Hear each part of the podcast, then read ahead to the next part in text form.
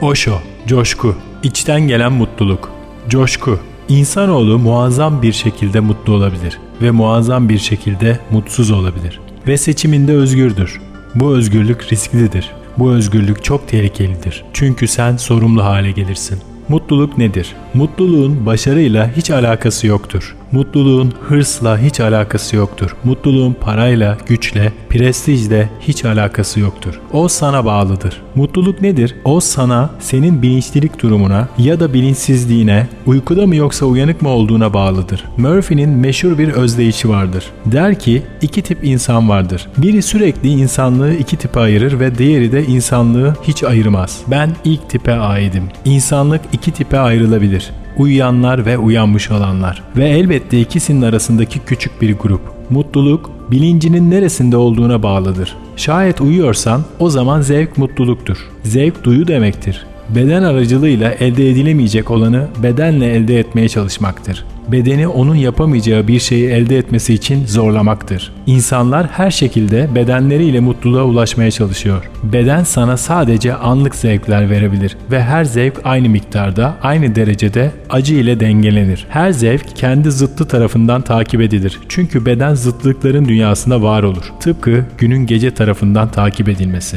ve hayatın ölüm tarafından takip edilmesi ve de ölümün hayat tarafından takip edilmesi gibi. Bu bir kısır döngü. Zevk acı tarafından takip edilecek. Acın zevk tarafından takip edilecek. Fakat sen asla huzur bulamayacaksın. Bir zevk hali içerisindeyken onu kaybedeceğin için korkacaksın ve bu korku seni zehirleyecek ve acının içinde kaybolmuşken elbette ızdırap çekiyor olacaksın ve onun dışına çıkmak için mümkün olan tüm gayretinle çabalayacaksın. Sırf yeniden onun içine düşmek için. Bu da buna yaşam ve ölüm çarkı der. Bu çarkla birlikte ona çarpışarak döner dururuz ve tekerlek dönmeye devam eder. Bazen zevk yukarı gelir ve bazen de acı yukarı gelir. Ama biz bu iki kayanın arasında eziliriz. Fakat uyuyan kişi başka bir şey bilmez. O sadece bedenin birkaç duyusunu bilir. Yiyecek, seks, Budur onun dünyası. Bu ikisi arasında gidip gelir o. Bedenindeki iki uç bunlardır. Yemek ve seks. Şayet seksi bastırırsa yemeğe bağımlı hale gelir. Eğer yemeği bastırırsa sekse bağımlı hale gelir. Enerji sürekli olarak bir sarkaç gibi hareket eder ve senin zevk olarak adlandırdığın her şey en iyi ihtimalle gergin bir hali rahatlatmaktır. Cinsel enerji toplanır, birikir. Sen gerginleşir ve ağırlaşırsın ve bunu serbest bırakmak istersin. Uyuyan bir adam için seks, iyi bir hapşırık gibi bir rahatlamadan başka bir şey değildir. Ona belli bir rahatlamadan başka bir şey vermez. Belli bir gerginlik vardı, artık yok. Fakat tekrar birikecek. Yemek sadece damağına biraz tat verir uğruna yaşamak için pek de fazla bir şey değil. Fakat pek çok insan yalnızca yemek için yaşıyor. Yaşamak için yiyen insan pek yok. Kolomb'un hikayesi meşhurdur. Çok uzun bir yolculuktu. 3 ay boyunca sudan başka bir şey görmediler. Derken bir gün Kolomb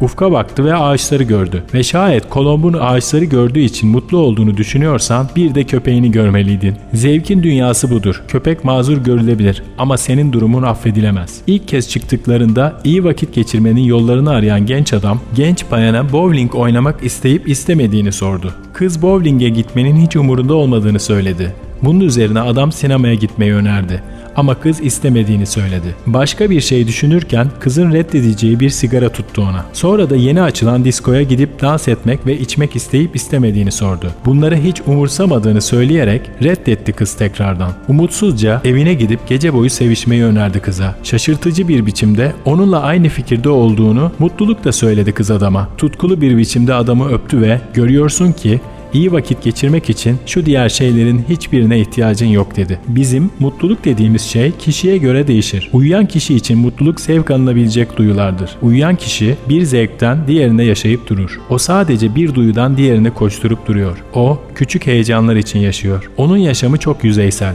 Hiçbir derinliği yok hiçbir niteliği yok. O niceliğin dünyasında yaşıyor. Sonra arada olan insanlar vardır. Ne uyanık ne de uykuda olanlar muallakta kalmış olanlar. Birazcık uykuda, birazcık uyanık olanlar. Bazen bu deneyimi sabahın erken saatlerinde yaşarsın. Hala uykulusun ama uyuduğunda söylenemez. Çünkü evdeki gürültüleri duyabiliyorsun. Eşin kahvaltı hazırlıyor, çaydanlığın sesini duyuyorsun veya çocuklar okula gitmeye hazırlanıyor. Bunları duyabiliyorsun ama hala uyanık değilsin. Sanki seninle etrafında olup biten bu şeyler arasında çok büyük bir mesafe varmışçasına bulanık, belli belirsiz bir biçimde bu gürültüler sana ulaşıyor. O adeta hala bir rüyanın parçasıymış gibi hissedilir. O rüyanın bir parçası değil ama sen ikisinin arasındaki bir haldesin. Aynı şey meditasyon yapmaya başladığında da olur. Meditasyon yapmayan kişi uyur, rüya görür. Meditasyon yapan ise uykudan uyanıklığa doğru hareket eder. Bir dönüşüm halindedir. O zaman mutluluk tamamıyla bambaşka bir anlam taşır. O daha çok niteliğe, daha az niceliğe ilişkin bir şey olur. O daha çok psikolojik ve daha az